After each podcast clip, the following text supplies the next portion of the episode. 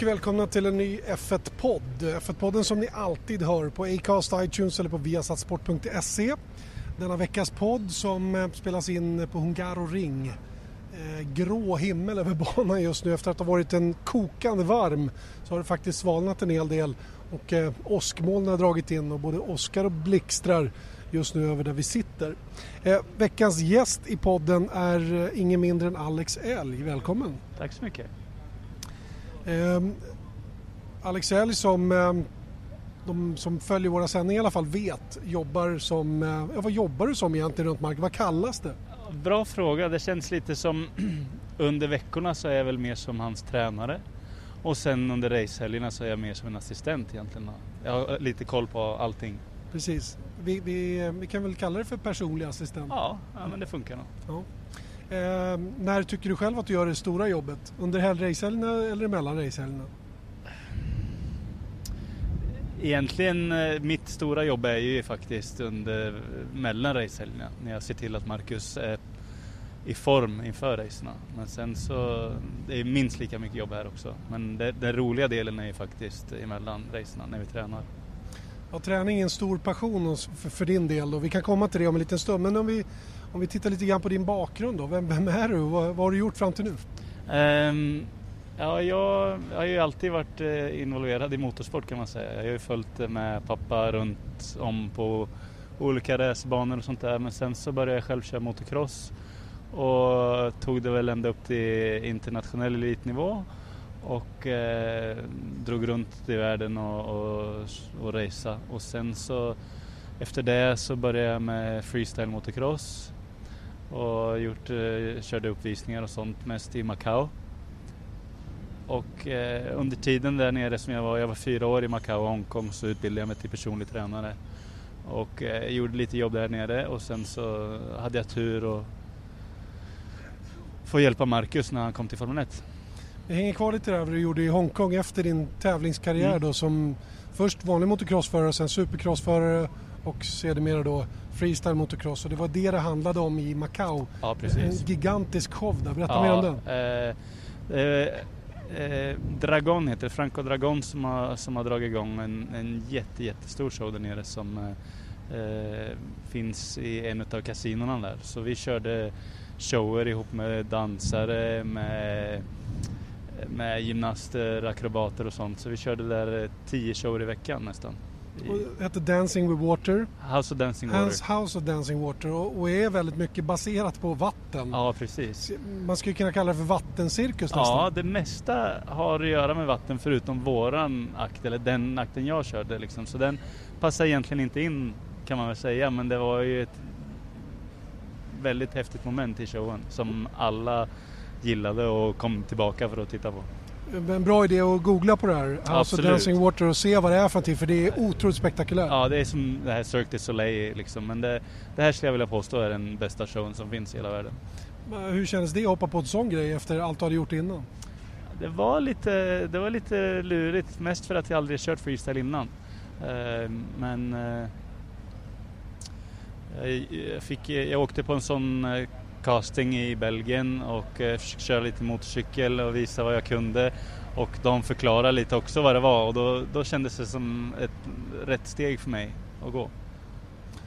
Och um, det här med träning då, det har ju legat dig varmt om hjärtat egentligen alltid då. Jag ja. menar, alla vet ju att köra motocross kräver en enorm fysik. Ja, precis. Är det någonting som... Är, oj jäklar, nu smäller Oskar ordentligt här. Um, är det, är det en spin-off det du gör nu så att säga utav det eller? Ja, jo men det är det väl. Eh, som sagt jag har alltid tränat och alltid eh, haft, jag, jag måste röra på mig. Jag, liksom, jag, klarar, en dag kanske jag kan sitta still men sen så börjar det klia och då måste jag röra på mig. Och, eh, man, eh, eftersom jag tycker det är så kul och jag har gjort det så mycket så då blir det ett, ett naturligt steg att börja hjälpa andra sen när man själv är redo att ta ett steg tillbaka. Är det kanske till, jag vet att du har varit väldigt skadedrabbad. Gjort det mycket illa. Man gör ju det när man kör motocross. Det, det hör ju till också liksom. Det blivit så. Är det ett sätt att hålla kroppen igång så att säga? Träna väldigt mycket? Ja, det är också. Om, om jag inte tränar för mycket, om jag slutar att träna några dagar då, då blir det lite tuffare att gå upp ur sängen på morgonen. Så. Och eh, det här leder då in på det jobbet du har idag där du nu är bofast i depån då så att säga mm. och varit i nu snart två säsonger, eller en och en halv säsong tillsammans med Marcus Eriksson. Eh, eh, berätta lite grann om ert jobb, vad, vad är det ni gör och vad, vad är det han behöver träna på så att säga? Uh, ja, uh, men det är, det är många som, som inte tror att det är så jobbigt att köra bil som det verkligen är. Och ta bara en sån här race som här när det är 37-38 grader varmt och eh, man ska sitta i en bil fastklämd med ganska höga påfrestningar, G-krafter och sånt och koncentrationen på topp hela tiden. Då krävs det att vara att man är fit. Vara fit, precis. Mm. Och då är det inte bara fit i muskler och sådana saker utan det är, det är, en, det är ett totalpaket som måste vara Det är ett totalpaket med, med uthållighet, också koncentration och eh, reaktion och vi tränar på allting. Eh, förra året när Marcus kom in i Formel 1 eh, tillsammans med Caterham var det ju väldigt mycket fokus på att gå ner i vikt. Mm. Eh, och det där var väl en speciell utmaning. Han är inte direkt, han är inte direkt jättekraftig redan innan. Nej, det är väl ingen Formel 1-förare som är egentligen. Men det var, det var svårt och det är svårt att, att, att, att träna någon sådär. För vi tränar ju varje dag, ett par timmar om dagen. Och liksom, man måste vara rädd så man inte lägger på muskelmassa också och blir tung åt det hållet med. Så det, det var lite konstigt att komma in i det. När man, eh, ofta om man blir, ska hjälpa någon att träna så vill de ju oftast bli större och starkare. Men här fick man tänka lite. Hur tänkte du kring det då? Eh, nej, jag tog väl lite av det som jag lärt mig förut och sådär och eh, testade mig lite fram tillsammans med eh, Riccardo Ciccarelli från Formula Medicine nere i Italien som eh, har jobbat med Formel 1-förare i 25-30 år kanske som eh, hade jättemånga bra tips och kunde hjälpa mig liksom hitta rätt. Eh, och Formula Medicin som är då ett institut för framförallt racerförare då, där du mm. själv också har tränat och Precis. rehabiliterat en hel mm. del. Eh, är specialiserade då på just det som racerförare behöver ha och vara bra på. Det är inte bara, det är inte bara fysik där heller utan det är mycket jag har hört talas om väldigt speciella träningsmetoder. Ja, där har vi massor av roliga, roliga grejer att träna på. Det, vi, vi säger mental träning, men jag tycker det, mental kan låta lite fel ibland också. Det känns mer som en sportspecifik träning, mer med koncentration och sånt där. Träna, träna hjärnan och eh, spara så mycket energi som möjligt. Ja, så man det, orkar det längre. Är, det där tycker jag är intressant för det där har jag ju sett bilder på hur man ska göra och tänka saker och använda så lite energi som möjligt. Precis, fokusera på rätt saker och sånt hela tiden. Hur tränar man på det? Um, det är bra, vi, vi kör mycket sådana multitasking-grejer och eh, ha flera bollar i luften samtidigt liksom och samtidigt försöka påminna Marcus eh, och hålla ner eh, pulsen, hålla koll på sin egen andning och eh, verkligen ja, känna vad, vad som behövs göras och, och, försöka koppla bort allt andra. Kan du ge exempel på någon övning som ni har som är lite så spektakulär? Ja, det finns ju mycket saker som, det, det mesta vi gör är ju, har vi såklart pulsklocka och sånt så vi med en stor skärm så man ser Marcus puls hela tiden. Och eh, sen så har vi andra sensorer som mäter hans eh, hjärnvågor eller hjärnfrekvens kanske man säger.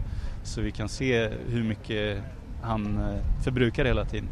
Och sen så gör vi olika träningar. Det kan vara i gymmet, eh, ganska så med mycket ansträngning, tuff ansträngning och sen samtidigt eh, klura ut vad som helst. Det kan vara frågor, det kan vara eh, spela pingis eller jonglera samtidigt.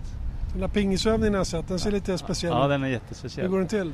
Nej, men, eh, det är någon sån maskin då, som skjuter ut eh, bollar i olika hastigheter.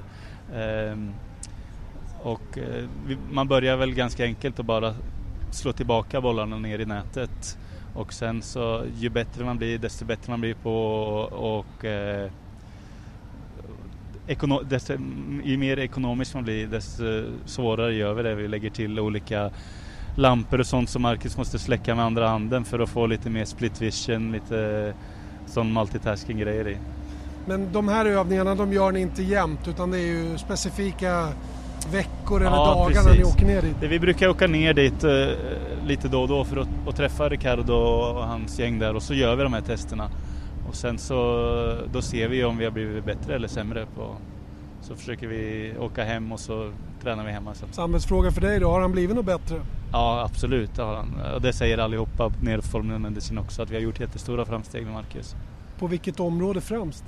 Eh, all, alla, alla tror jag. Egentligen allting från kondition och också koncentration och sådär. Så, eh, vi är på rätt väg. Har Marcus själv några önskemål, där han, några områden där han känner att det här måste vi gnugga med på? Nej, egentligen inte. Det tror jag inte. Inte vad, inte vad han har sagt till mig. Han, han har inte klagat på upplägget vi har nu i alla fall. Är han träningsvillig? Ja, faktiskt. Han, eh, som sagt, han, han, säger aldrig nej när jag säger att vi ska träna. Och eh, visst, det blir jobbigt ibland och då kanske han gnäller lite men eh, han, kämpar, han kämpar jättehårt. Jag, jag är imponerad över honom.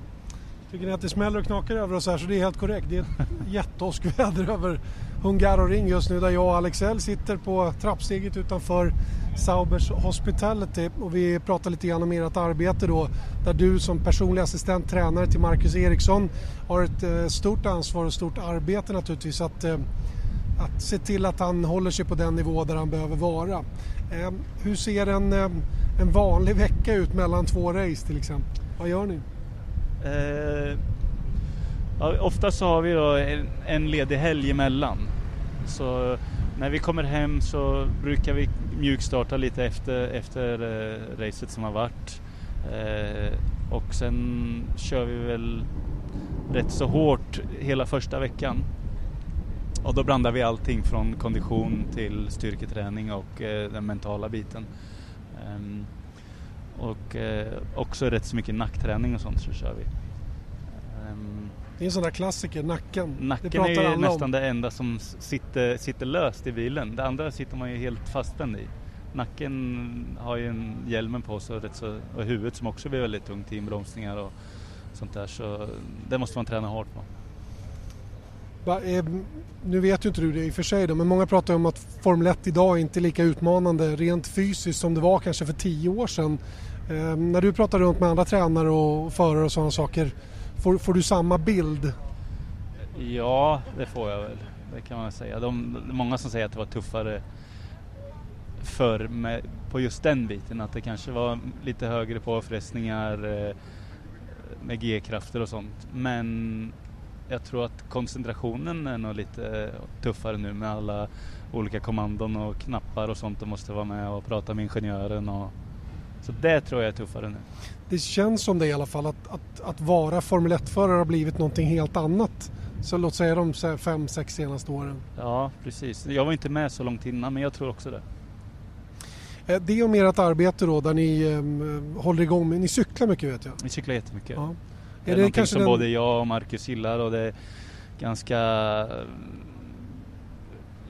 skönt och lätt för kroppen. Det blir inte så mycket påfrestningar och man kan hålla på länge som vi behöver när, vi, när han ska sitta i en bil så länge och, och köra. Plus att det är den typen av förbränningsträning antar jag som, som är bra för den fysik som krävs Precis, i Formel 1. Absolut, så är det. Um, för din egen del då, livet här i depån. Du kommer från en racingfamilj verkligen. Som, mm. Du har ju rest över hela jorden redan innan du började med det här och hängt med pappa Eje då på, på race. Och, ja, du är ganska bekväm och van i den här miljön. Hur, hur tycker du att det är när du själv är på egna ben så att säga? När jag är på, på, på racerna menar du? Eller? Nej, jag, jag tycker det, det, är som du säger, jag har varit med om det här nästan hela mitt liv liksom. Och det, det känns eh, ganska naturligt att gå runt i en depå på något sätt. Jag, redan första racet förra året så kändes allt liksom under kontroll tycker jag. Och det tror jag kanske är en av min, mina styrkor om, om man skulle som förare välja en, en, en tränare. Så har det här varit mitt liv ganska länge. Mm. Blir man kompis med andra tränare och hänger mycket med andra? Tränar man ihop med andra förare? Vad, vad gör man?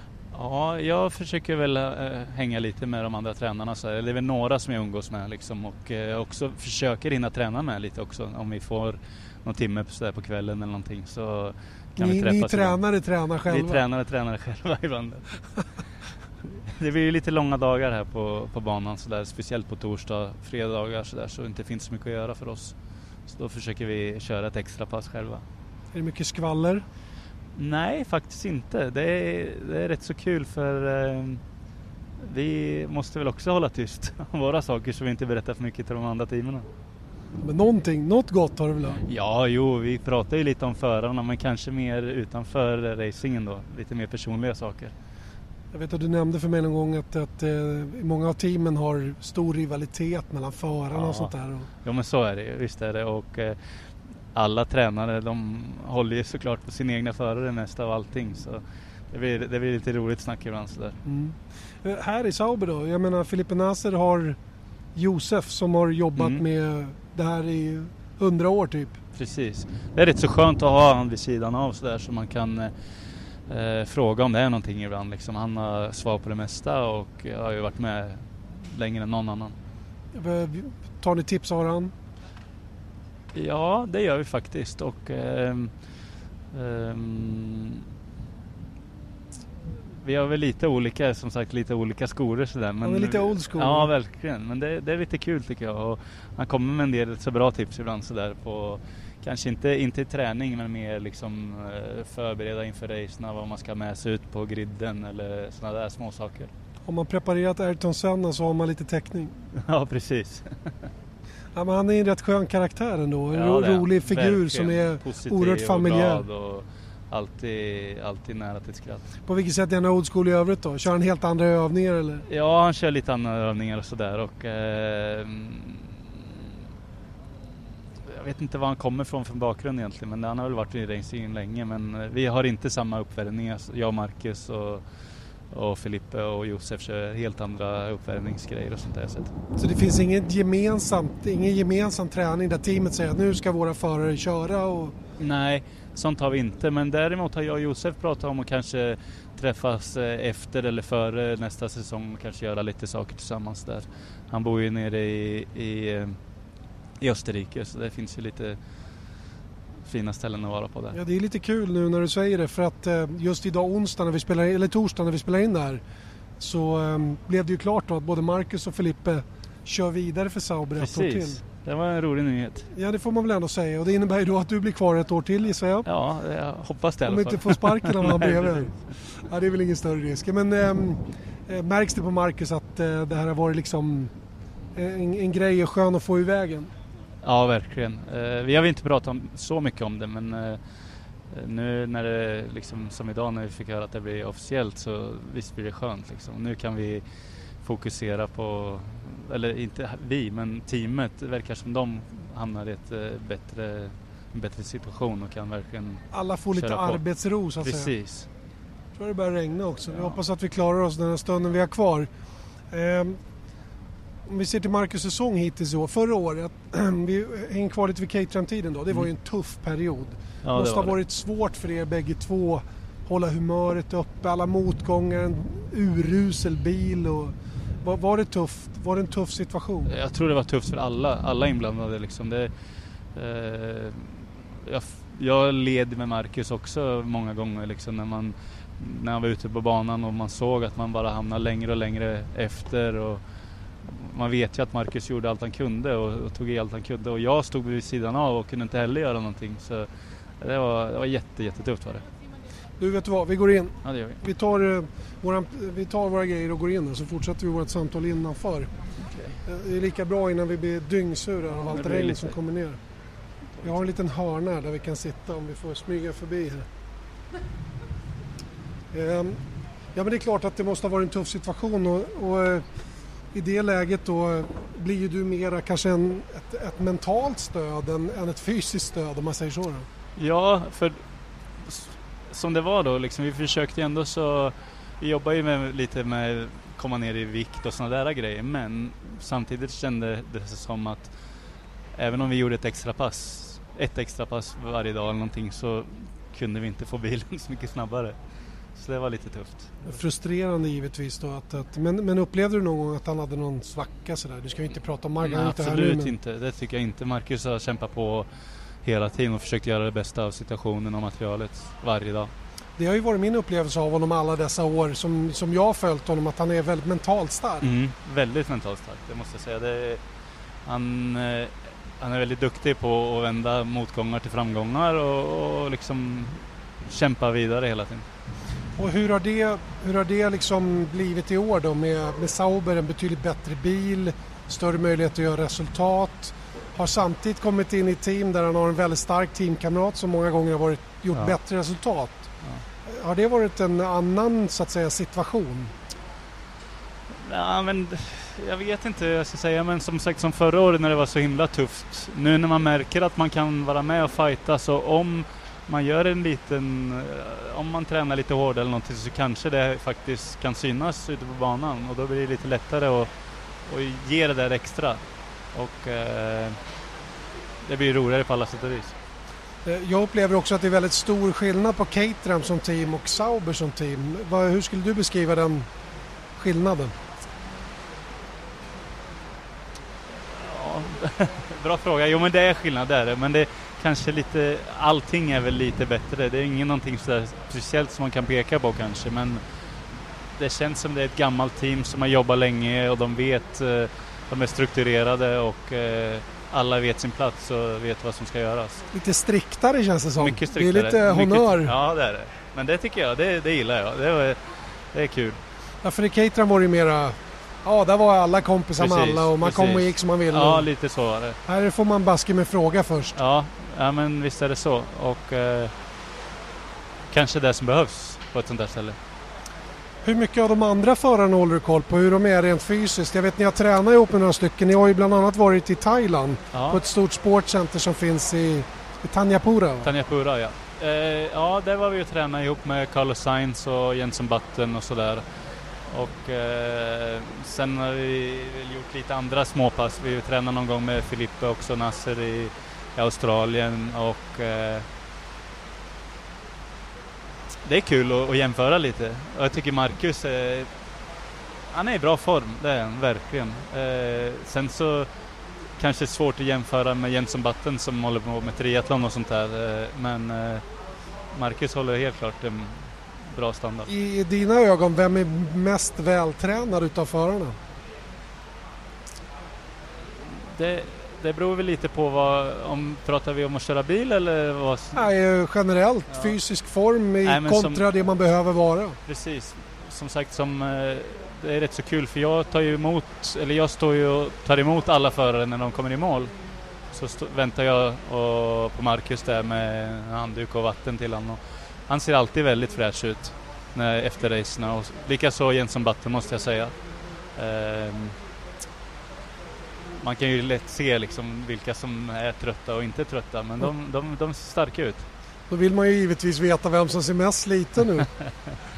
ja, det har varit lite olika faktiskt. Men jag har ju sett, eh, sig som Singapore förra året då med, Magnusson och Kvyat och de här killarna som var riktigt, riktigt slut. Ja, där gick och, det ju... Eh, ja, det, det, var ju de man hörde över radion också där, precis, klagade mest. Precis, och eh, då när man ser Marcus som egentligen eh, ser riktigt, riktigt fräsch ut. Man kan prata med direkt. Det, då är det kul och det, det, är kul när folk säger det till, en, till mig också. Plus att, och även på, under racerna så kan man höra Marcus när han pratar tillbaka till ingenjörerna att killarna här i Sauber säger att Marcus låter väldigt, väldigt fräsch om man jämför med deras gamla förare och så. Som de hade tidigare? Precis. Ja, det är lite spännande det där och, och, och kul naturligtvis och en anledning för dig att sträcka lite på det extra då, att ni har gjort ett bra jobb. Eh, skulle du jobba med det här även om inte Marcus Eriksson, om du hade möjlighet till det då vill säga? Och även om inte han fanns här i depån? Ja, det tror jag. Det, det har varit lite av mitt, en dröm att kunna få jobba med andra förare men det behöver inte vara Formel 1 bara. Men eh, jag kände det när jag slutade min professionella satsning så vill jag vara med och hjälpa yngre killar på, på något sätt. Du får välja en då. Vilken skulle du helst vilja sätta tänderna i? Utav de som finns nu? Om inte Marcus var här? Ja. det är en väldigt bra fråga. Jag vet faktiskt inte. Kanske jag har hört, jag eh, tränar ju en hel del med Carlos Sainz till exempel han håller på med triathlon och sånt också, lite på gång och sånt och sånt, något sånt hade varit kul. Så Sainz skulle kunna vara en... Ja det tror jag. Sen så gillar jag, försöka lära mig lite bättre spanska och sånt så det har varit en perfekt grej. Annars är det många man har hört talas om, eller många gånger hört talas om Fernando Alonsos oerhörda fysik. Ja. Cyklar väldigt mycket själv var ju till och med på väg att köpa ett eget professionellt cykelteam. Ja, inte för att tävla själv men han har ju väldigt mycket hjärtat där. Mm, det, men det är väldigt många verkar det som har som Formel 1-förare som, är, som gillar cykling och sånt där och, och tar det som deras första alternativ när det gäller träning. Om vi säger så här då. Eh, om du inte fanns här i Formel 1-depån, vad, vad skulle du, vilka, vilken sport skulle du helst vilja vara liksom support till? Jag antar att du vill göra lite mer pow, powerträning? Ja, precis. Det är, det är lite mer min grej. Eh, jag menar motocross, lite svårt kanske att vara personlig tränare till bara en förare där. Det är det är inte liksom... Men eh, hade det funkat så hade jag jättegärna hållit på med motocross. Kanske ett eget training camp eller någonting i den Precis. stilen? Jag gjorde lite sådana när jag var lite mindre så körde vi lite sådana training camps nere i Spanien under vinterhalvåret eh, när vi hjälpte lite yngre svenska, norska, finska crossåkare. Det var jätte, jättekul. Eh, Innan vi slutar nu då, vi har några minuter kvar. Ehm, hur gick det till när du fick det? Hur gick snacket? Liksom innan? Jag menar du och pappa pratade om det naturligtvis. Så, eller, Ja, Fast det var inte, var inte Eje som... nej det var inte det egentligen. Det var, jag bodde i Macau då som sagt och eh, jag hade lite semester så jag var hemma i Sverige och hade, fick åka upp till Arlanda och hämta Marcus och Eje när de kom hem från Brasilien när de hade skrivit på kontraktet.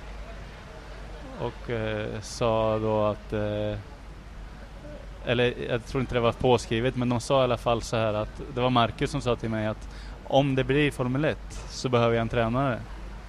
Och har du lust att, att hjälpa mig? sa han då. Eh, och det var jättekul men jag hade ju som sagt eh, jobb i Macao och kontrakt och allting. Så när det sen blev aktuellt så, så fick jag ju jobba med ur det kontraktet på något sätt. Men det, det, var, lite, det var lite krångligt. Men Det var det ett svårt beslut att säga ja till Marcus? Eller var det det, det andra? Mm. Eller, ja. Nej, precis. Det var, det var, jag ville jättegärna jobba med Marcus, absolut. Men det var svårt att få lösa allt det andra runt om. Men det löste sig till slut och det finns där i depån och tycker ni att det väsnas här så ja, det är tidernas skyfall alltså utanför här och det här är någonting vi har framför oss den här helgen. Extrem hetta, eh, risk för åskskurar egentligen varje dag.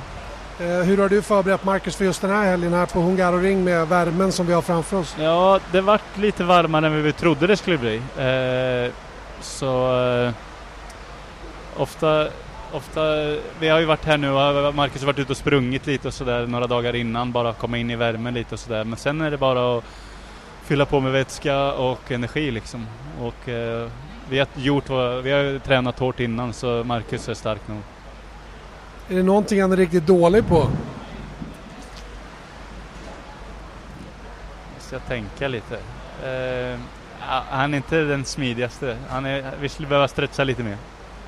Då är det det ni får ägna er åt då, framöver. Ja. Eh, tusen tack Alex Elg för, eh, för att du tog dig tid att vara med i Formel 1-podden. Jätte, jättekul och jag tycker det är ett intressant arbete där och ibland får jag nästan för mig att, att förarna övertränar, att de tränar mer än de egentligen behöver för att de tycker att det är så kul. Ja, lite så är det faktiskt. Eh, det är nästan svårt. Ibland så ringer Marcus mig och säger att han har kört extra pass och sånt där och, och lite sådana grejer som de, de kan inte sluta träna verkar det som. Eh, Skaderisken då sist, eh, finns det någon sån eller riskerar man någonting? eller? När man tränar menar du? Eller? Ja. Ja, det finns ju alltid risk för överträning men det, är- det är rätt så extremt.